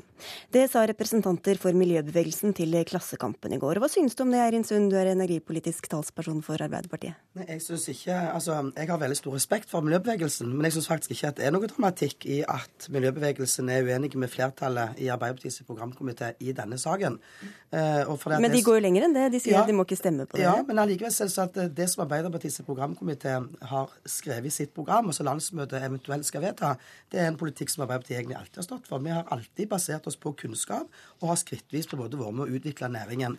Men det som jeg faktisk syns er merkelig, det er at miljøbevegelsen kan ta denne ene saken og løfte ut av absolutt alt annet og si at pga. det så skal dere ikke stemme bl.a. Arbeiderpartiet. Og, det, og samtidig òg si stem gjerne F Venstre, stem gjerne KrF, som er to partier som har tenkt å bære Fremskrittspartiet, som ikke engang tror på klimatrusselen, inn i regjeringskontoret. Det syns jeg er veldig merkelig. Silje Lundberg, leder i Natur og Ungdom. Hvorfor er akkurat denne saken så viktig at dere går ut med en anbefaling, mens dere ikke har gjort det på bakgrunn av stigende eh, klimagassutslipp eller klimamelding dere ikke var fornøyd med? Så denne saken er, mener jeg, en av de største miljøsakene som vi står overfor i vår tid. Og det er både fordi den, det er fordi den handler om flere hensyn. For det første så handler det om på en måte et stort spørsmål, som er hvor er det vi vil hen? Vi står ved et veiskille, og der er det Lofoten, Vesterålen og Senja som på mange måter symboliserer det. Så det er symbolet mer enn akkurat innholdet? Nei, for det er begge deler. For det er på en måte symbolet når det kommer litt sånn både til det å skulle la olja ligge, og hvis man ikke skal gjøre det i det området, hvor i alle dager skal man gjøre det da? Men samtidig som det er det, så handler det også om Så er det en litt sånn klassisk naturvernsak. For det handler om naturverdier. Men hvorfor er det viktigere enn de andre sakene jeg nevnte? Altså at, at klimagassutslippene har gått opp år for år etter år, og at klimameldingen kom og dere var misfornøyd med den? Fordi at denne saken både er såpass konkret, og så viser den også litt sånn hvor det er man ja, hvor er det man skal hen videre, da? Og der er det der, mener, der tror jeg i hvert fall også at man, man med denne saken For å si det sånn, det er ikke så mange andre steder langs norskekysten man har områder som ikke er åpna for oljevirksomhet. Og Derfor er det noe av det også som har gjort denne saken veldig viktig, i tillegg til et stort folkelig engasjement. Nikolai Astrup, du er klimapolitisk talsperson for Høyre. I går var du her og forsvarte FrPs politikk. I dag skal du forsvare din egen. Hva synes du om utspillet fra miljøbevegelsen? Jeg er enig med Erin Sund i at jeg mener det blir helt feil eh, bedømme et partis eh, helhetlige klimapolitikk med utgangspunkt i én sak. Eh, og jeg tror nok også at miljøbevegelsen og Høyre her er uenige om farene ved, konsekvens, ved å konsekvensutrede petroleumsvirksomhet utenfor disse områdene. Så jeg mener jo Høyre har bevist gjennom de siste årene at vi er et parti med en ambisiøs og forpliktende klimapolitikk. Vi har tatt eh, initiativ til å være pådriver for to eh, klimaforlik i Stortinget som har bidratt til å trekke regjeringens politikk langt i riktig retning. Og jeg mener at vi også på andre områder innenfor det klassiske naturvernet har en veldig offensiv politikk som vi fortjener å få eh, honnør for, og ikke at man skal bedømmes på basis av én sak. Så jeg er helt enig at man skal få honnør når man gjør noe bra, men det som jeg mener at denne saken handler om, det er at man må få Eller det som er viktig for meg, er at folk som synes at Lofoten, Vesterålen og Senja er viktig. At de som ikke ønsker at de områdene skal åpnes for oljeboring, at de også må skjønne at det har en sammenheng med hva de stemmer ved stortingsvalget. Og der mener at de ganger man også har hatt denne debatten oppe før, så har man på en måte i spørreundersøkelse etter spørreundersøkelse så har det vært skrekkens delt i befolkninga hvorvidt man ønsker å åpne eller ikke. Men på en måte samtidig, hvis man ser på, på måte, det som folk stemmer, at man da glemmer at det har en sammenheng med det som man stemmer, og det partiet som da kommer til å fronte den politikken de har. Og Derfor mener jeg at det er essensielt. sånn at, at Hvis man stemmer for all del, folk må, hvis de stemmer på Høyre, så gjør de jo det, men da må de jo også vite at da, da er det Høyre kommer til å jobbe for at de områdene skal åpnes. Ap vet man ikke enda hvor landet. Kanskje ja, kanskje nei. Det får vi se etter april. Åsund, hva slags troverdighet tror du dere får i klima- og miljøpolitikken hvis en samlet miljøbevegelse ber folk holde seg unna Arbeiderpartiet? Jeg synes, altså, først så syns jeg igjen at det er utrolig synd at de faktisk på en måte sier det de gjør. For det, det, er ting vi ja, i Arbeiderpartiet er uenige med miljøbevegelsen om, men det er mye mer saker vi er enige med miljøbevegelsen om. Og vi har hatt et utrolig tett samarbeid med alle deler av miljøbevegelsen de siste syv år. Og jeg er ganske sikker på at det som Silje og resten av miljøbevegelsen egentlig ønsker, det finner de best i, i, i, et samarbeid med Arbeiderpartiet, SV og Senterpartiet. Jeg deler ikke Nikolai Astrup sin eh, oppfatning av at det er Høyre som har på en måte dratt oss i en mer miljøvennlig retning. enn noen som har vært på... SV, det da, kanskje? Nei, ja, men vet du hva, det, ja, det har absolutt SV gjort, men det har i aller høyeste grad òg miljøbevegelsen. For vi har på område etter område Hvorfor kan det... dere ikke lage politikken selv uten å bli dratt av andre? Nei, Vi lager jo politikken selv. Arbeiderpartiet har aldri skjult at vi er for uh, petroleumsvirksomhet. Det har vi aldri skjult. Men vi har heller aldri sagt at vi ønsker å, å, å sette på en måte verken matfatet, havet eller andre ting på spill. Vi ønsker kunnskapen på bordet, og så er det den som skal bestemme hva vi skal gjøre. Men nå vil altså Silje at parti som skal bære Fremskrittspartiet, skulle Bård i går uten kunnskap, de sitter du nå sitter i miljøbevegelsen og sier ber de inn i regjeringskontoret. Jeg skal få svare på det snart, men skal slippe til Astrup først. Jeg syns jo uh, Eirin Sunds kritikk faller på sin egen urimelighet. Altså, Regjeringen har lagt frem to uh, stortingsmeldinger om, om, klimapolitikken. Begge ble slaktet av miljøbevegelsen. Uh, og begge ganger så har opposisjonen med Høyre i spissen bidratt til å trekke regjeringen i en langt mer forpliktende og ambisiøs retning enn det regjeringen selv var villig til. Eh, så, eh, så, så, mener jeg at eh, til, til miljøbevegelsen så, så, mener jeg at vi akkurat har fått presentert en kunnskapsinnhenting i nord som viser at, som viser at risikoen ved virksomhet i nord er langt mindre. Vi går ikke så mye inn i den saken, for den, jo, jo, men det er litt viktig, fordi Anbefalingen må bygge på fakta. Og fakta viser jo at skipstrafikken i nord er mye, mye mer alvorlig for Lofoten, og Vesterålen og Senja okay. enn det eventuelt petroleumsvirksomhet vil være. Men her er dere rett og slett uenige. Da... Men da må jeg spørre deg, Stille Lundberg, til det Sund, eh, Sund, sier. Når dere da i dag foreslår Venstre varig vern av Lofoten og Vesterålen, hvis når dere først går ut med en sånn anbefaling, hvorfor tar dere ikke da hensyn til de forskjellige blokkene, og hva slags politikk de ulike samarbeidene faktisk kan føre til? Jeg, jeg, mener at det er ikke vår oppgave å skal gå inn i sånne blokkdiskusjoner. Og jeg skulle av og til ønske at partiene eh, også greide å løfte seg litt sjøl ut av de her blokkdiskusjonene også. Det har ingen, tidvis ingen mening når på en måte partier som egentlig er enige om samme saken, denger løs på hverandre. Så, så, jeg skulle ønske at man faktisk kunne få en litt mer sånn redelig debatt sånn sett, som ikke bare går på, på blokket. Så mener jeg at vi har jo ikke, jeg har ikke gått ut generelt og sagt at ingen må stemme på, på eh, verken på måte Høyre eller Frp eller, eller Arbeiderpartiet dersom de bryr seg om eh, miljø og klima. Men det som, som jeg har sagt, er at dersom man synes at Eh, områdene utenfor Lofoten, Vesterålen og Senja er viktige, og at man ikke ønsker å åpne dem, ja, da har det en sammenheng med hva du stemmer, og da må du se det i sammenheng. Så det her er ikke en sånn generell fordømmelse, sånn som det høres litt ut som at det var, Og det har ikke, det har i hvert fall ikke jeg sagt. Men det som jeg, som jeg mener, og som er viktig, er at Eh, dersom man ikke ønsker en åpning, ja, så må man også la det være eh, viktig når man skal levere sin stemme. Hvis den saken er så viktig for en. For meg er den saken viktig, så får vi se hvor viktig den er for andre. Litt kort, Erinsund, Sund, Hva tror du dette kan gjøre med gjennomslagskraften miljøbevegelsen har inn i Arbeiderpartiet og forholdet dere imellom? Vi vil alltid, uansett eh, de, de, lever sitt eget liv, og vi lever vårt. Vi vil høre på det uansett, for de besitter kunnskap som er viktig for oss å få. Eh, og så er det, så er viktig å presisere Arbeiderpartiets komité sier at vi ønsker å konsekvensutrede. Vi har ikke sagt at en ønsker å åpne. Den beslutningen skal Arbeiderpartiet ta når konsekvensutredningen ligger på bordet. Det er vel et definisjonsspørsmål, ser jeg på Silje Lindberg. Men tusen takk for at, eh, at, du kom til Politisk kvarter, som fortsetter med noe av det samme temaet.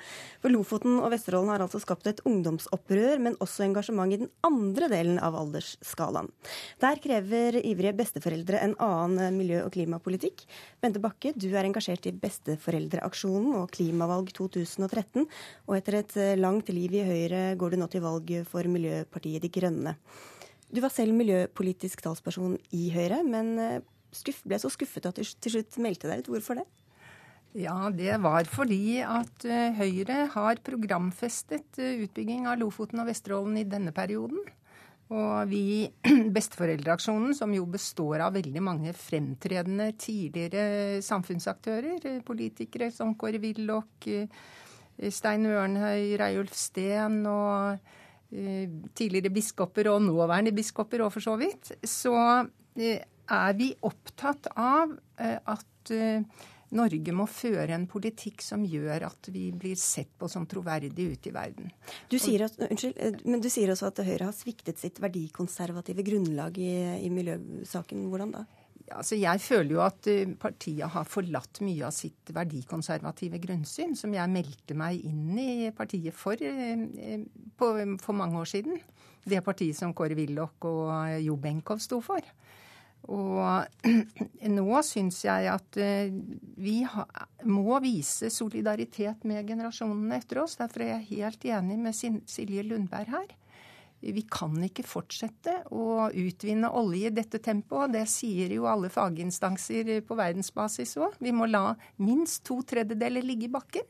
Og da sier jeg til disse to politikerne fra Høyre og Arbeiderpartiet hvis de ikke kan verne Lofoten, Vesterålen og Senja, hva skal da vernes eh, på norsk sokkel?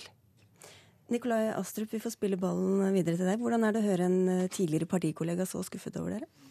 Vel, Jeg er jo ikke enig i hennes eh, resonnement, og jeg mener at Høyre har sin verdikonservative profil intakt. Og jeg mener også at vi gjennom de siste årene har vist at vi nettopp har en offensiv miljøpolitikk. Ikke bare på klimaområdet, men også innenfor f.eks. som en pådriver for frivillig skogvern, for, som en pådriver for opprydding i giftige, altså i miljøgifter, som uh, vi er plaget av langs uh, kysten. Uh, og på mange andre områder. Så jeg, eh, jeg, er ikke enig i det. Og igjen så mener jeg jo at her dømmer man et partis eh, politikk med utgangspunkt i én sak, hvor jo den kunnskapen vi akkurat har hentet inn Jeg vet jo ikke vi diskuterer substans eh, i NRK, men, men det er faktisk litt relevant. Men hvor altså den kunnskapen vi har hentet inn, viser at risikoen er minimal for en ulykke. Og hvis det skulle skje noe, så er konsekvensene langt mindre enn det miljøbevegelsen gir et inntrykk av. Og det gjelder også i og for seg besteforeldreaksjonen. Men så oppfatter jeg også at Bente Bakke har et, um, et viktig poeng, og det er generasjonsperspektivet. Og det, det deler vi i Høyre. Uh, og derfor så jobber vi jo uh, både nasjonalt og internasjonalt for en forpliktende og langsiktig og god miljøpolitikk for fremtidige generasjoner. Men hvis vi ser litt bredere på det, Bente Bakke, for du har jo selv sittet som miljøpolitisk talsperson som Astrup, uh, Astrup gjør nå. Hvor, hvor lett er det, tror du, å vinne på miljøsaken internt i Høyre? Ja, Det er jo ikke lett. Jeg slet jo med det da jeg satt eh, på Stortinget. Og jeg tror jo kanskje at jeg kjørte miljøsaken så hardt var medvirkende til at jeg ikke ble renominert. Men jeg har lyst til å gi kompliment til Nikolai Astrup, for han gjør en veldig bra jobb i Høyre med miljø. Så jeg tror nok partiet hadde vært enda mer bakpå hvis ikke han hadde gjort den jobben. Men han svarte ikke på spørsmålet mitt. Hva vil norske politikere verne når vi vet at en stor del av eh, ressursene må ligge i bakken? Står ikke Jeg syns ikke at Lofoten, Vesterålen og Senja er én sak. Jeg syns det er en hovedsak. Ja, og det, det, er ikke jeg enig i. Uh, og jeg tror vi må ha et litt større perspektiv på disse utfordringene. Norge har verdens reneste uh, olje- og gassproduksjon. Gass er en viktig men, bro til fornybarsamfunnet. Hva vil dere verne, så er svaret ingenting? Jo, men uh, Gass er en viktig bro til fornybarsamfunnet i Europa. og det at Norge unilateralt velger å skru igjen, det vil ikke redde det globale klimaet, men norsk produksjon erstattes av mer skitten produksjon andre steder. Dette problemet må angripes på en litt annen måte enn på en helt særnorsk, uh, særnorsk uh, variant. Så vil jeg også si at uh, jeg syns jo Høyre hadde miljøvernministeren i forrige regjering, Børge Brende. Ingen kan si at han ikke førte en offensiv miljøpolitikk. Men mange har sagt at den forsvant litt med ham. Og ingen kan si at ikke vi i opposisjon gjennom to klimaforlik har ført en veldig offensiv klimapolitikk, og langt mer offensiv enn det regjeringen gjør. Eh, Eirin Sund hun utfordrer deg også. Hun snakker om solidaritet, et begrep Arbeiderpartiet er glad i å bruke. Hvor er solidariteten med de kommende generasjonene? Jeg syns det er et perspektiv som er veldig viktig å dra opp. og Derfor er det også sånn at vi skal ikke gå inn i områder som kunnskap skulle tilsi at en ikke skal gjøre det. Det har vi heller aldri gjort. Og jeg er enig med Bente Bakke i at eh, det som er altså klimautfordringene og fattigdomsutfordringene, det er verdens to aller største utfordringer. De to henger nøye sammen, og vi er nødt på en måte å ta grep både her til lands og internasjonalt for å få bukt med det. Men jeg tror ikke at det, symbolsaken Lofoten-Vesterålen er det på en måte som skal så er den som skal redde dette. Dette er mye mer sammensatt enn som så. Og det er helt andre grep en er nødt til å ta. Det blir så mye symbolikk i dette, syns jeg, mer enn det faktisk blir praktisk politikk. Bente Bakken, nå stiller jo du til valg for De grønne, så du er kanskje ikke helt objektiv heller i analysen av uh, Høyre? Eh, nei, men eh, Nikolai Astrup har veldig mye rett i det han sa. Og jeg syns jo Børge Brende gjorde en kjempejobb. Eh, jeg meldte meg jo faktisk ut av Høyre første gangen da Arbeiderpartiet og Høyre kastet Bondevik-regjeringen på gasskraftsaken. Og meldte meg inn igjen da Børge Brende ble miljøvernminister. Så det er jo veldig synd at partiet har mistet ham.